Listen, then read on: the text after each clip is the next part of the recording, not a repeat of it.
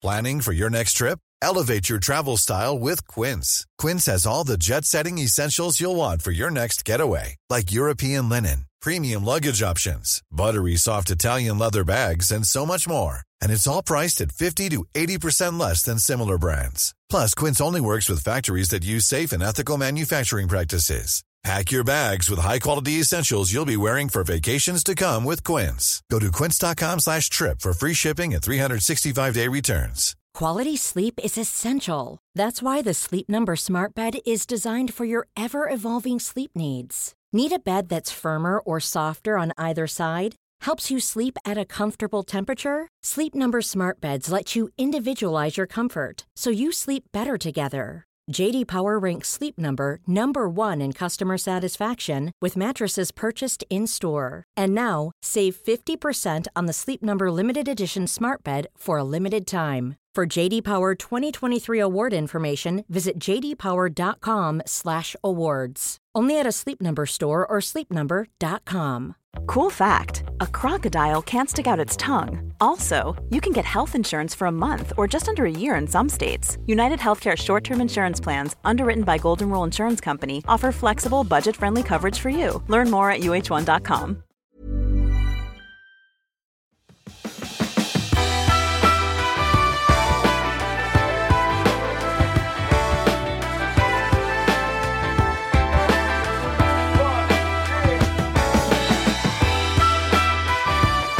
Hej och välkommen till Klimakteriepodden med mig, Åsa Melin. Här kommer en så efterfrågad gäst som verkligen många har önskat sedan boken Hälsorevolutionen var som hetast. Maria Borelius lyckades verkligen engagera så många i att tala om antiinflammatorisk kost och det är absolut ett av de hetaste ämnena som fortfarande engagerar många och det går inte någon vecka utan att vi får läsa någonting om det på löpsedlarna. Men det handlar inte bara om kost och med aktuella uppföljarboken Bliss så får du en stor portion av tips, råd, pepp för att leva hållbarare och mer balanserat.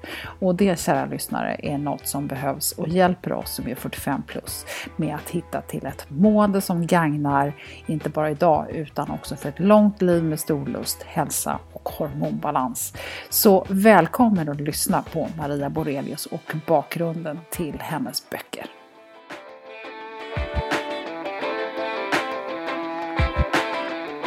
Maria Borelius, äntligen hjärtligt välkommen till Klimakteriepodden. Tack så mycket. Vi har försökt. Ja, vi har ju det. Ehm, och nu har vi kommit till skott och jag är egentligen väldigt glad för att det första försöket misslyckades med tanke på hälsorevolutionen som jag var så sugen på. Mm. Och då hade jag jättemånga lyssnare som sa så här, Åh, snälla kan du inte försöka få med Maria Borelius? Eh, och då hade vi en dejt och sen så blev det inte och nu så har du kommit ut precis med Bliss och det känns ju superspännande att få vara med på den här uppföljningen. Mm. mm. Eh, du är, för de som inte vet vem du är, så har du en filkand i biologi, fysik och matematik och du har en master i vetenskapsjournalistik. Du är författare, journalist, kommunikatör, du är, har varit reporter på TV, du poddar, du har varit handelsminister en kort liten stund. Eh, du har jobbat med mikrolån, hand in hand, jättespännande ideell förening. Och eh, dessutom så är du mamma till fyra barn, hustru, och eh, har ett boende både i London och i Sverige och far fram och tillbaka, hit och dit. Ja, du kanske ska säga att det, det jag liksom jobbar med till vardags också är att jag är konsult i näringslivet. Mm. Mm.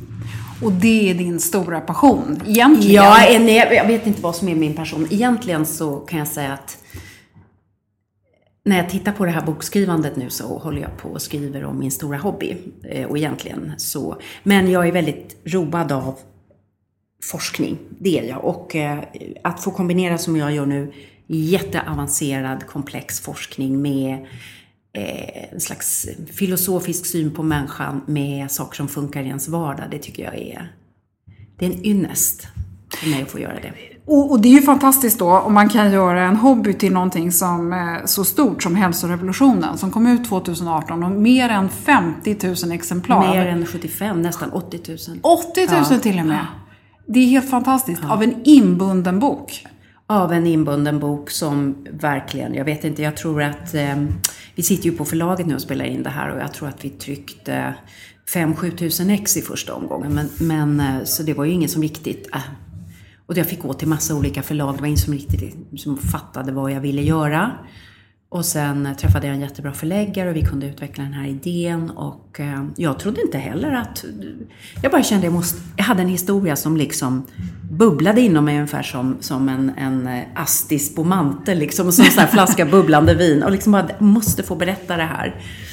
Och nu har du egentligen följt upp hälsorevolutionen som då hade vägen till en antiinflammatorisk livsstil som mm. underrubrik. Och nu har du mm. följt upp den med boken Bliss. Jag tänker att, kan vi inte börja i alla fall med upprinnelsen till hälsorevolutionen? Nu var mm. du redan inne och snudda på det. Ditt eget sökande. Berätta, vad, vad, det var ju ditt mående och din hälsa Ja, det började med att jag eh, i 52-årsåldern när jag var i ett ganska stökigt förklimakterium eh, hade väldigt ont i ryggen. Eh, det var tre huvudsymptom. Ont i ryggen, grå. Alltså på engelska säger man I'm feeling blue. Jag mm. kände mig blå, mm. eller grå. Mm. Och sen liksom en skvalp i mage. Som hade bara smugit mig på så här i förklimakteriet. Och nu pratar vi om skvalp på utsidan. Ja, skvalp på utsidan. Eh, sådär att jag kommer ihåg att jag stod och tittade i fönstret på alla tajta kläder och sen gick jag alltid in och köpte någonting som hängde ner ändå. ja men liksom, det blev alltid så. Så det var de här, eh, och där var ju de två första sakerna värst, för magen kunde jag ju leva med. Eh, så jag gick till en gynekolog och han sa att ja men så här ser det ut när man är i klimakteriet och det är inte mycket vi kan göra. Eh, så tänkte jag i alla fall att jag ska försöka göra något åt det här ryggonda efter att ha tyckt synd om mig själv. Och då hittade jag en online-tränare efter att ha tittat på tränarna som var på mitt gym i London. Och det var ju bara en massa 19-åriga killar. Och så tänkte jag, jag är en 52-årig kvinna. Jag har en delad magmuskel. Rectus abdominus på mig, den har spruckit mitt i tu av mina jättebebisar som jag har fött. Vad vet de om min kropp? Ingenting. Eh, så jag måste ha något annat. Eh, jag måste ha en kvinna som förstår sig på kvinnokroppen tänkte jag. Och eh, jag vill också, för jag reser mycket i mitt arbete, kom jag på att jag skulle kunna ha en online-tränare. För jag har inte svårt att motivera mig, men jag behövde en guidance. Fick tag i en jätteduktig kanadensiska och så började vi träna. Men framförallt fick jag kost av henne. Så det var kost, det var träning och så var det tacksamhet som hon ville att jag skulle jobba med. Eh, och på två, tre månader så var jag hilad kan man säga. Eh, ryggen var lugn, stabil, fin. Magen hade smält ner och framförallt så var jag ljus i huvudet. Eller jag var mer mig själv. Eh, och jag tänkte ingenting mer på det här mer än att det där var ett bra program. Tack tränaren. Eh, till jag då en dag satt i eh, rådgivande kommittén för Lunds universitet. Vi hade besök av olika forskare eh, i den här kommittén. Vi höll på att hjälpa universitetet med olika grejer. Och den här gången skulle en nutritionist komma dit som hette professor Ingrid Björk, professor i näringslära. Och hon höll på med ett helt nytt forskningsområde som hette antiinflammatorisk mat. Och hon hade då för första gången visat att den här maten hade effekt eh, på eh, en försöksgrupp ute i Dalby, precis öster om Lund. Och jag satt och lyssnade sådär artigt som man gör, du vet, ja men vad bra, kolesterolet gick ner och blodtrycket gick ner och de fick till och med bättre kognitiv förmåga. Till hon la upp en bild på vad de hade ätit. Och då var det identiskt med min kost. Mm. Och då fick jag ju... Ja, då, blev, då stod tiden lite stilla. För då tänkte jag liksom, har jag utsatt mig själv för ett vetenskapligt experiment utan att fatta det? Och vad är det här med inflammation? Men det läste jag ju om när jag läste immunologi liksom 1982 på universitetet. Ja, men inflammation är ju bra. Det är den här läkningsmekanismen efter infektioner och efter sårbildning. Vad, vad, är det där för någonting? Och, alltså jag gick fram till den här forskaren och sa, vet du, jag lever faktiskt efter den här kosten. Och hon, hon mycket trevlig skånsk, hon sa, nej det är inte möjligt, det här är ett försök. Så hon. Och jo, jag gör faktiskt det. Och jag mejlade min instruktör och sa, Rita, det har ett namn det här som du håller på med. Anti-inflammatory foods. Va? Vi har bara hittat på det här genom att pröva oss fram, sa hon. Ja, där började min resa. Ja, och det är ju fantastiskt för det är, sen bygger ju de här båda böckerna egentligen på din jakt efter ledtrådar. Och det som du kommer fram till, det är ju liksom det här med att lite bromsa det är inte bara den här inflammationen utan det är också bromsa åldrandeprocessen och hålla oss friska. Och det är ju väldigt populärt att prata om idag. Men berätta lite mer om hur du gick tillväga när liksom alla de här ljusen började gå upp för dig. Ja, först så bestämde jag att jag skulle lära mig allt om inflammation. Och då är det ju så att akut inflammation är ju bra. Det är ju ett snabbt svar i kroppen, en slags reparationsmekanism på ett trauma. Om vi skär oss i handen så blir det rött och svullet. Och det är ju ett inflammationssvar som är till för att reparera den vävnad som är skadad. Så jag talar om något annat. Jag talar om en låggradig, alltså en liten förhöjning och en systemisk inflammation. Det vill säga som är i hela kroppen, inte lokalt eh, kring ett sår. Och den här inflammationen skapas, tror man, med åldrande, med felaktig livsstil, med stress, eh, fel mat, eh, så ackumuleras den i kroppen. Och det verkar som den, genom en mekanism man inte riktigt känner till, släpper igenom eller som man säger på engelska facilitates, så att säga underlättar sjukdomsbildning. Så det är inte alltid så att den här låggradiga inflammationen har en direkt kausalitet med sjukdomen, men den är kopplad till högre risk för. Och där ser man kopplat till högre risk för hjärt-kärlsjukdom, kopplat till högre risk för ledsjukdomar, neurodegenerativa sjukdomar, Alzheimer, Parkinsons. Eh, vi har de psykiatriska diagnoserna, både depression, bipolär sjukdom, schizofreni, ledsjukdomar, hudsjukdomar, IBS i magen, cancer, det vill säga eh, lungsjukdomarna, obesitas, alltså övervikten, det vill säga det mesta som vi håller på att brottas med eh, när, när vi åldras. Och att också mycket riktigt som du sa var kopplat till åldrandet i sig. På engelska finns nu ett uttryck som heter inflammaging. Det mm. inflammationsdrivna åldrandet. Och eh, alltså jag har ju träffat, det här blir ju bedömningar, men jag har ju träffat läkare som tror att 90% av allt åldrande är inflammation. Det var det första jag gjorde, att liksom lära mig förstå så skillnaden mellan den här korta goda inflammationen och den här långa sega som bara ligger och puttrar, mm. som gör oss sjuka. Och det andra var ju att börja leta efter liksom alla som höll på med det här på intressanta sätt. Så jag började ju googla och fråga. Och sen gjorde jag en till grej. Jag började jobba liksom rätt intuitivt. Alltså jag, så fort någon kom och sa någonting till mig så utvecklade jag någon slags sån här radar bara för att nu händer det något intressant. Nu får jag liksom en ledtråd. Så att jag inte bara blev jag letade väldigt brett. Jag letade med konventionella forskare. Jag är ju utbildad naturvetare och tror på naturvetenskapen. Men också, jag har tittat mycket på ayurveda. Jag har tittat på, på liksom new age personer och jag har varit på tystnadsreträtt hos eh, munkar, munkar. eller walesiska munkar. Ja.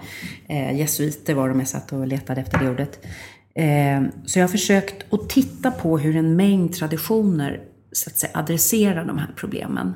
Man kan ju tänka sig så här att man blir ju sjuk eh, hur man än beter sig när man blir gammal eller när man liksom står inför sin, sitt åldrande kan man ju hävda. Och, och, spelar det någon roll om det kommer när man är 82 eller 88? Det, det kan man ju också ifrågasätta. Hur, hur, tänker du där? För du har ju en spännande resa mitt ja. i den här boken. Ja, nej men det där är ju en rimlig fråga. Men erfarenheten från de här blå zonerna, där folk lever väldigt länge, och nu har jag varit i två av de fem. Dels hos sjundedagsadventisterna i Loma Linda och dels på Okinawa, mitt ute i Stilla havet. Eh, och träffat både Dr. Gary Fraser och professor Suzuki som leder långlevnadsstudierna det är ju att det är inte bara ovanligt många hundraåringar utan de har ovanligt aktiva, glada liv högt upp.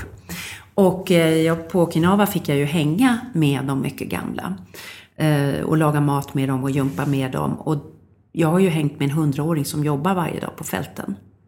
Som dansar, skvallrar med grannarna, alltså lever ett fullt aktivt liv. Du liksom har en vision för ditt mm. liv och de pratar ju mycket om det här ikigai liksom meningen med livet, den här korsningen mellan där man får göra någonting för andra kopplat till någonting man är bra på. För meningen i livet är ju inte att spela golf efter 65 eller att, att, att, att bara så att säga sättas på undantag i samhället. Utan vad jag fick se på Okinawa var människor som var i flöde, var eftertraktade och själva gjorde sig efter eftertraktansvärda. Sverige har ju sån himla åldersfobi. Mm. Alla partiledare ska vara 27 år och knappt torra bakom öronen. Man kan vara jätteduktig ändå. Men i Storbritannien där jag bor så har du en partiledare som är 63 och en som är 70. Eh, och på Okinawa träffade så mycket pigga eh, startade företag, började utbildningar när de var 77, startade företag när de var 89. En vitalitet och fick ta plats i samhället med det också. Eh, så jag har letat väldigt brett och det gör ju också att jag hittat väldigt brett. Att det, maten är jätteviktig, men det är inte bara maten.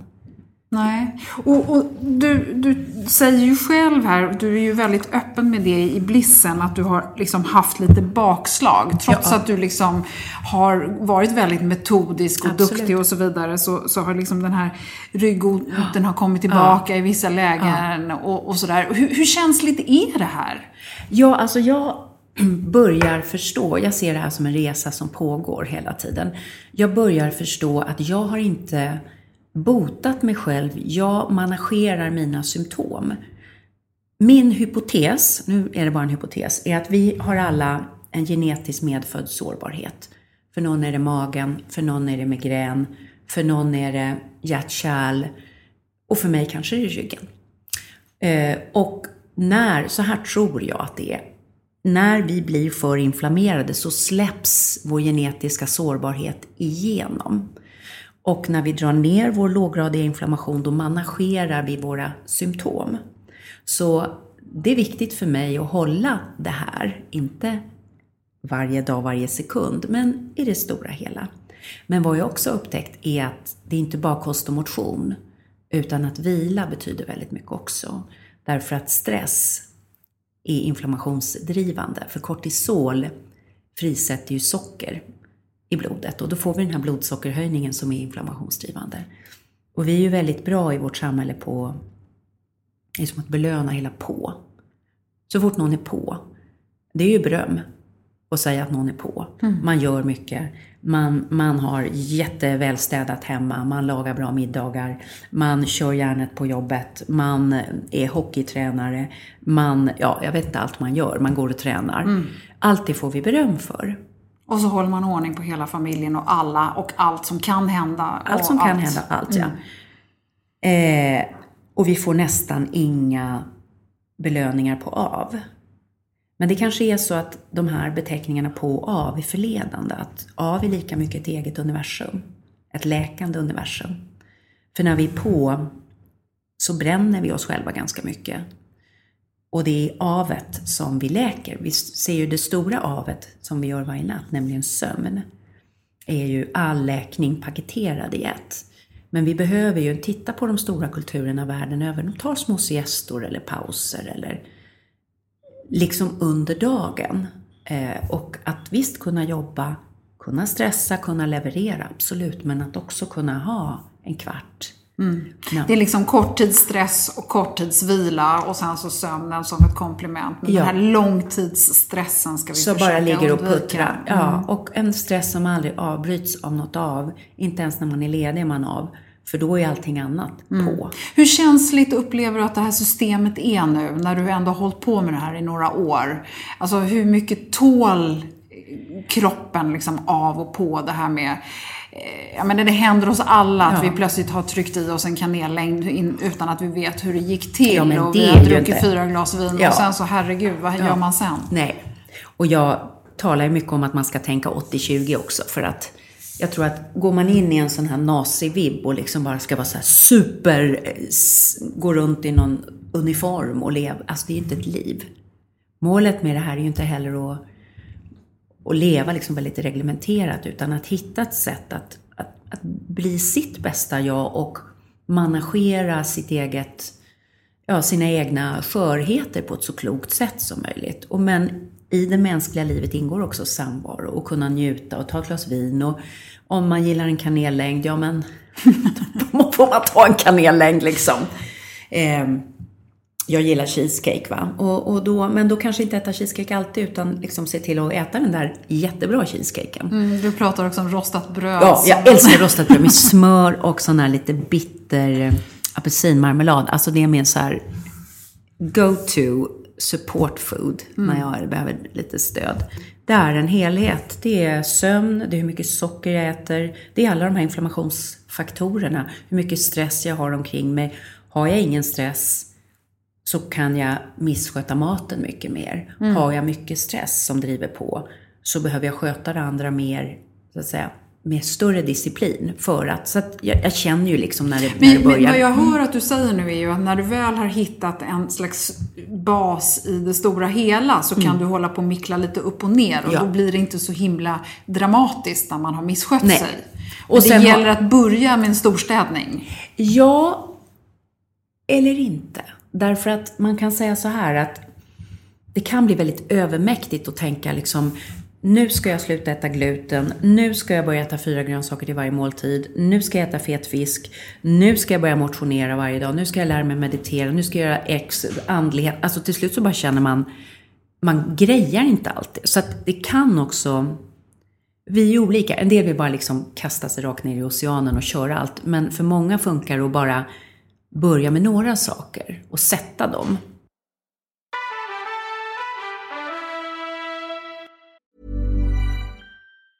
Quality sleep is essential. That's why the Sleep Number Smart Bed is designed for your ever-evolving sleep needs. Need a bed that's firmer or softer on either side? Helps you sleep at a comfortable temperature? Sleep Number Smart Beds let you individualize your comfort so you sleep better together. JD Power ranks Sleep Number number 1 in customer satisfaction with mattresses purchased in-store. And now, save 50% on the Sleep Number limited edition Smart Bed for a limited time. For JD Power 2023 award information, visit jdpower.com/awards. Only at a Sleep Number store or sleepnumber.com. There's never been a faster or easier way to start your weight loss journey than with PlushCare PlushCare accepts most insurance plans and gives you online access to board-certified physicians who can prescribe FDA-approved weight loss medications like Wigovi and Zepbound for those who qualify.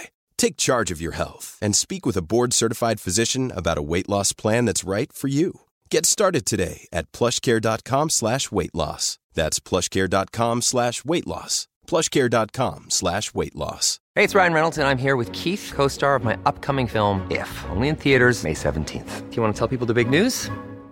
All right, I'll do it. Sign up now and you'll get unlimited for $15 a month in six months of Paramount Plus Essential Plan on us. Mintmobile.com slash switch. Upfront payment of $45 equivalent to $15 per month. Unlimited over 40 gigabytes per month. Face lower speeds. Videos at 480p. Active Mint customers by 531.24 get six months of Paramount Plus Essential Plan. Auto renews after six months. Offer ends May 31st, 2024. Separate Paramount Plus registration required. Terms and conditions apply if rated PG. Det är härligt att klimakteriets tabu äntligen är på väg bort. Vill man försöka klara sig utan hormonbehandling så finns nu många nya kosttillskott som lovar bland annat hormonell balans och som ska stötta brister. Jag vill lyfta min räddare i nöden, Femarel. Det har inte bara varit min utan många andra kvinnors räddning i över 20 år. Och med lång tid på marknaden, med nöjda användare, dessutom med 20 forskningsstudier så vågar jag säga att det kan vara en god idé att prova Femarel. Femarel finns på apoteken och i hälsokostbutiker. Tack Femarel som varit min samarbetspartner i många år.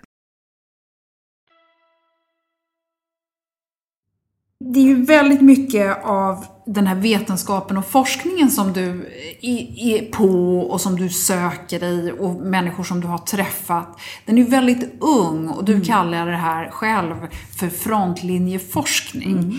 Eh, och, då är jag lite nyfiken på om du kan utveckla det. Mm. Ja, definitionen av frontlinjeforskning är ju att det ännu inte har skapats en bred konsensus kring det och det har inte heller krupit in i de offentliga vårdsystemen. För det tar ju alltid tid från det. Alltså forskning är ju ett väldigt brett ord. Så forskning kan ju ske på några celler i en liten petriskål i ett laboratorium. Det kan ske i några försöksdjur. Det kan ske på mindre grupper, på människor, på något större grupper. Och sen kan det ske de här jättestora, blinda, randomiserade studierna som vi kräver för att saker ska få bli läkemedel. Allt det här är forskning, men det är olika typer av forskning.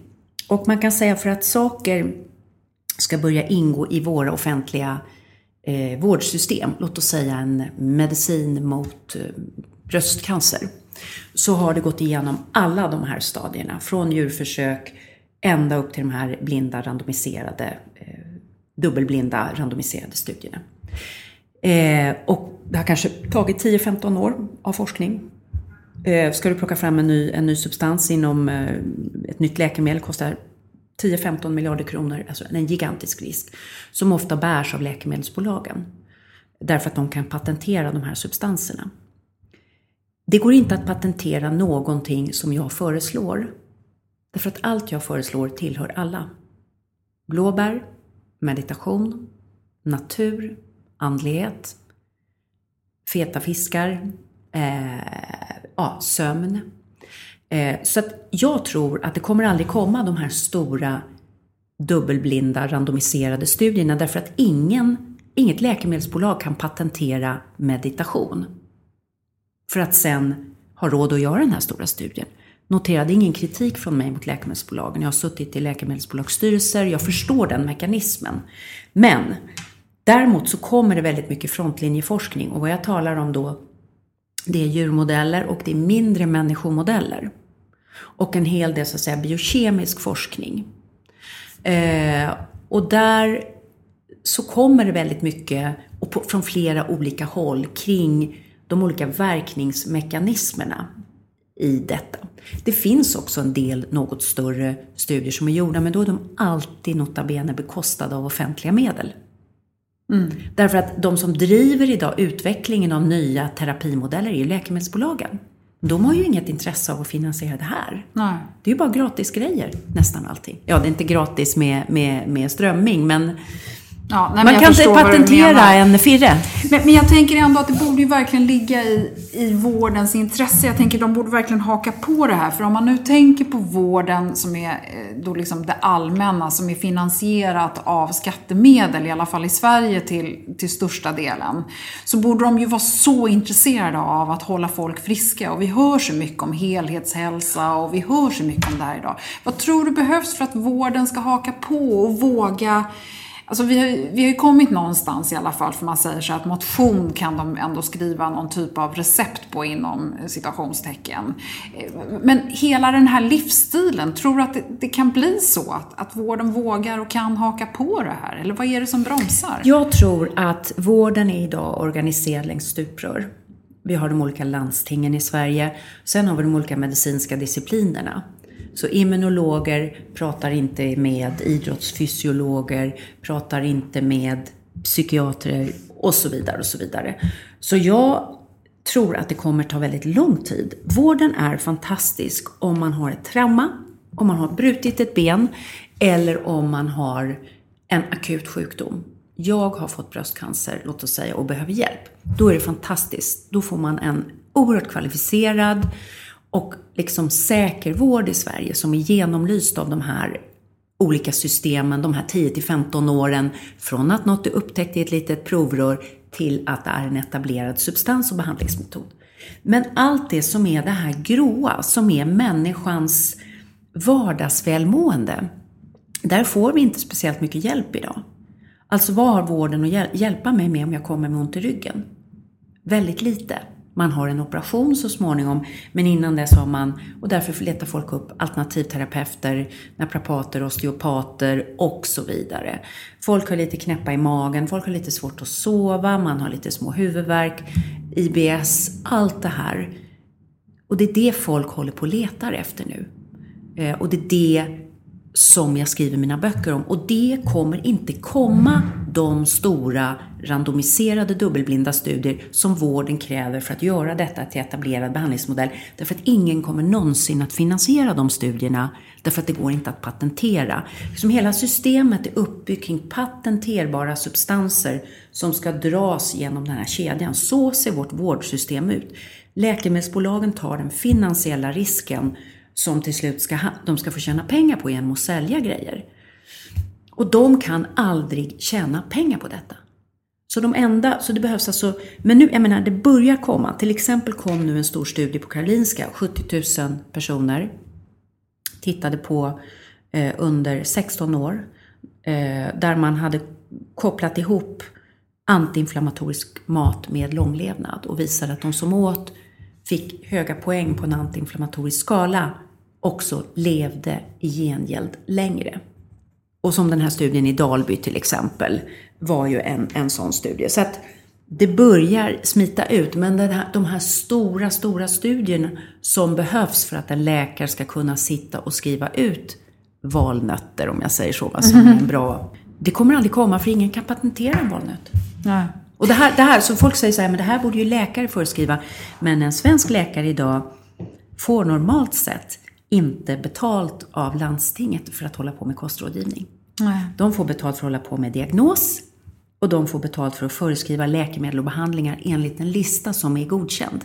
Nej, men det är ju det här som inte går ihop för oss vanliga Nej, människor. nej, men och är man vanlig skattebetalare och medborgare och människa så, så är det ju så konstigt. Men eh, man kan säga så här att istället, alltså jag tänkte så här, Gandhi sa alltid, eh, Mahatmas Gandhi, Mohandas Gandhi heter han, Indiens andlig ledare, han sa liksom att man själv ska vara den förändring man önskar se. Alltså det, man kan säga så här, de borde göra det och de borde göra det och de borde göra det. Okej, nu gör de inte det. Vad kan jag göra? Eh, och det kan ju vara ens egen familj också. Barnen borde äta det här och så vidare. Det är ju bara, man måste börja med sig själv. Eller om man vill se förändring så är en själv är ju den man kan förändra. Och det är ju en lärdom jag själv har gjort under det här arbetet med viss smärtsam insikt. Att predikande, Ja. det går åt helvete. Ja. Men du är ju också väldigt öppen och personlig med dina egna utmaningar. Och, och vi hade ett samtal inför det här också. Du pratade lite grann om eh, dig själv som tant. Ja. Och vad får man göra när man är eh, Ja, det undrar jag över. tant? Vad får och när är man tant? är, vad, vad är vi för någonting? Jag vet inte. Ja, nej men det där var eh, också intressant för att jag har ju skrivit en bok om väldigt mycket vetenskap, men jag har ju skrivit den på ett ganska annorlunda sätt, ett väldigt personligt sätt. Och när jag skulle göra det, det var min förläggare som peppade mig mycket, så var jag rätt tveksam först. Och varför var jag tveksam? Jag tyckte att det var pretentiöst.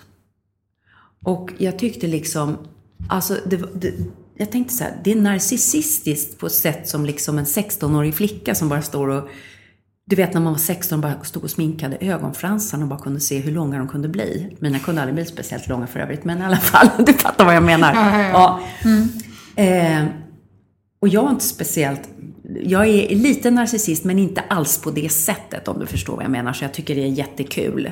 Jag tycker om att sätta på mig en fin klänning när jag går bort. Ja, det gör jag, men, men i övrigt, jag är för gammal för det. Och jag är ju tantålder, eller jag är 58, jag vet inte vad man är, tant, kvinna, någonting. Så jag liksom tänkte så här, Boo, kan man vara? Alltså, det- blir självupptaget på något sätt. Det blir pretentiöst. Men, så i alla fall, så, så sa min förläggare, skriv ett provkapitel så tittar vi på det. Så gjorde jag det. Och när jag såg det så kunde jag se att ja, det blev någonting som pratade med mig. Och jag skrev ju det här för jag vill kommunicera med människor. Och då tänkte jag att jag ska utsätta mig för det. För att jag vill ju nå människor. Eh, Så att det här har jag gjort inte bara som någon sån här, åh vad härligt det är att berätta om alla mina rostade mackor. Utan med viss liksom så här djupt andetag. Ja, jag gör det här för att jag vill nå också. När vi går ner i vår egen smärtpunkt så bygger vi broar till varandra. För det är där vi känner igen varandra. Jag vill avslutningsvis tala om ordet bliss, för det tror jag inte är så här himla självklart för folk. Eh, Dels så har den ju en engelsk betydelse, men Ja. sen är det ju också förkortningen för de här fem levnadsorden. Så jag Ja. tänker vi kan skicka ut dem här. Ja. Bliss är ju ett underbart ord. Det är ju ett engelskt ord som betyder säll, ljuv. Alltså det är bara, it's blissful. Det är en sån här härlig dag man går ut på våren. Det är bara första värmen, klar luft, liksom det här mjuka känslan i sinnet. Så det är dels den. Motsatsen till det här feeling blue. Ja, det kan man säga. Eller motsatsen till feeling taggig. Mm. Taggig och blue, precis. Eh, och sen är det då en förkortning, det är en akronym, så var och en av de här i BLISS står för en antiinflammatorisk princip. Och det första är då boosta med bra mat. Eh, och det är de här polyfenolrika, alltså en regnbåge av grönsaker och bär varje dag. Eh, och det är att få i sig sina feta fiskar och, och nötter varje dag och det är sin probiotika. Yoghurt, kimchi, kombucha, Eh, surkål Surkål. Ja, jag ja. älskar surkål. Mm. Har du gjort surkål någon gång? Nej, jag vågar inte. Nej, men det, jag var jätterädd först också. Jag började och, och, och hela grejen höll på att explodera. Men ja. jag har lärt mig tricket. Man måste lufta de tre första dagarna. Mm. Okay. Men det är jättegott tycker jag. Mm. Eh, så det är bet, L är lägre mängd socker, gluten och transfetter. Tyvärr alla tre huvudingredienserna i Maryland cookies som jag älskar. Men mm. Så det är, men det ska man dra ner på då. Eh, för det driver inflammation och sen i är att vara igång varje dag. Någon form av motion varje dag. Eh, och det första S står för stillhet. Och det är sömnen, det är någon form av mindfulness, yoga, meditation, att boosta med det. Och där ligger också tarmens stillhet, det vill säga att unna sig en liten minifasta. Kanske en eller två gånger i veckan göra en 16-8, det man kallar 16-8. Alltså man kanske bara helt enkelt hoppar över sin frukost och dricker lite te på morgonen. Mm. Och jag har löst det genom att äta tidigt. Om man äter vid femsnåret ja. så kan man ändå få äta frukost ja. vid nio. Ja. Så, så är det inte det så långt. Passar dig, ja. ja, det passar mig. Ja, gör du det? Ja, Varje vecka? Ja, absolut. Jag tycker det funkar jättebra. Så precis, att hitta en metod för det, det gynnar tarmfloran väldigt. Eh, och det sista S är ju att söka upp sin förundran och det var ju så härligt när jag hittade det att vårt känsloliv är så kopplat till våra inflammationsmarkörer då. Man har mätt det i saliven och då är det de här härliga stora upplevelserna natur, konst, musik man älskar, stora idrottsupplevelser. Ops, inte i soffan utan i arenan. Gå på fotboll om det är det man gillar eller konståkning som jag gillar.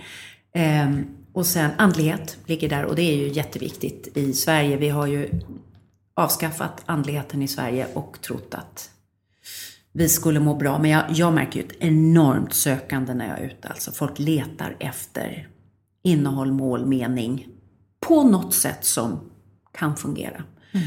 Eh, och att göra saker för andra, att, att gå utanför egot. Egot är trist alltså. Så när vi är i det här det högre jaget så kan man också se de här inflammationssänkande effekterna som jätteintressanta. Mm. Och då handlar det inte bara om att ge till sin familj och sina närmaste? Nej, nej, nej utan det stora kollektiva mänskliga viet. Så det kan handla om att gå med i Rädda Barnen eller rädda någon, ja, någon stycke naturmark som man har nära sig. Jag pratade just med en väninna som håller på med det i morse, ett område nära henne. Ett stycke regnskog, att hjälpa någon långt bortom en själv som har det svårt. Mm. Uh, att lyfta sig själv utanför, liksom, att ta hand om sina barn, det är, det är bas, utan mm. det här är utanför det. Mm. Den största insikten eller det bästa rådet som du liksom vill kasta ut där för den som vill starta sin egen hälsorevolution? Uh, jag skulle säga tre, tre saker. Att se över frukosten, för då får man en bra start på dagen. Eh, att försöka motionera så man svettas eh, fyra, fem gånger i veckan. Och det tredje är att skaffa sig lite förundran eller en liten stund stillhet varje dag. Och att inte tycka att man smiter då, utan det är läkning. Mm. Tänd ett ljus, be för någon, meditera en stund, ställ dig på en bro och bara titta på solnedgången, gå ut i parken och andas eh, någonting som bara liksom får dig att känna att du är ett med allt större. Det behöver vi människor. Ja, vad härligt mm. Maria. Det mm. låter toppen. Mm. Och sen så tänker jag automatiskt på en annan sak som vi kvinnor är duktiga på. Och det är att vi andas som små fåglar alldeles för högt upp. Att jag man vet. liksom bara ja. man andas ner, ja. låter magen pösa ut. Mm. Bara det kan hjälpa. Det är jätte, jättebra tips för att det klipper ju, då sätter du på parasympatiska nervsystemet och eh, dra ner kortisolströmmen. Så det är ett alldeles utmärkt tips. Mm. Le har samma grej ja. också. Andas och le. Och du ler mycket Maria. Ja, ja det tror jag gör det. Ja, det tror Ja. jag gör. Nej, du, fantastiskt Ja. att få ha dig här. ja, tack för att jag fick komma. Jätteglad för det. Tusen tack. Tack.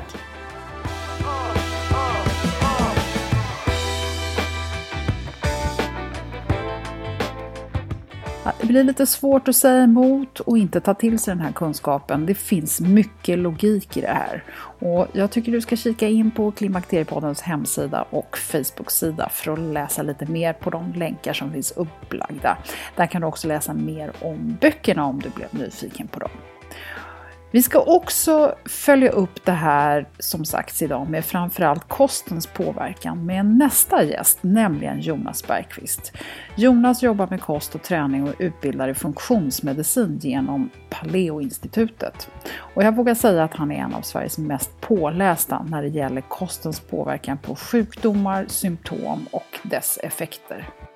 Någonting som jag också vet att ni är många som är intresserade av så är det att kicka fart på ämnesomsättningen.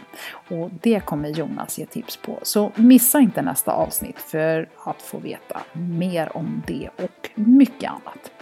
Hoppas du gillar och följer Klimakteriepodden på Facebook och Instagram och rekommendera podden för en behövande vän. Och vill du komma i kontakt med mig, Åsa Melin, komma med tips, råd eller själv dela berättelser så tveka inte att höra av dig till mig på info.klimakteriepodden.se. Tack för att du har lyssnat, ha det så fint, sköt om dig och hoppas du blir med snart igen. Hej då!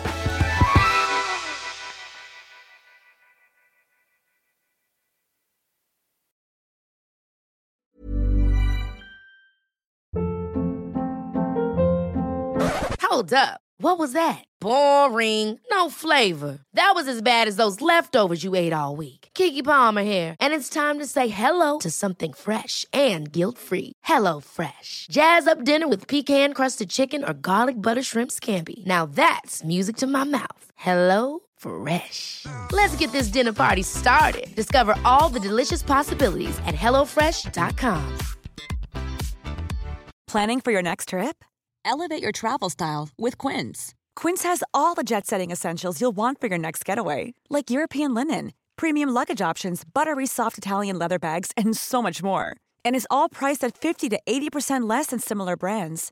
Plus, Quince only works with factories that use safe and ethical manufacturing practices. Pack your bags with high-quality essentials you'll be wearing for vacations to come with Quince. Go to quince.com slash pack for free shipping and 365-day returns. Imagine the softest sheets you've ever felt. Now imagine them getting even softer over time. That's what you'll feel with Bowl and Branch's organic cotton sheets. In a recent customer survey, 96% replied that Bowl and Branch sheets get softer with every wash. Start getting your best night's sleep in these sheets that get softer and softer for years to come. Try their sheets with a 30-night guarantee. Plus, get 15% off your first order at bowlandbranch.com. Code BUTTERY. Exclusions apply. See site for details.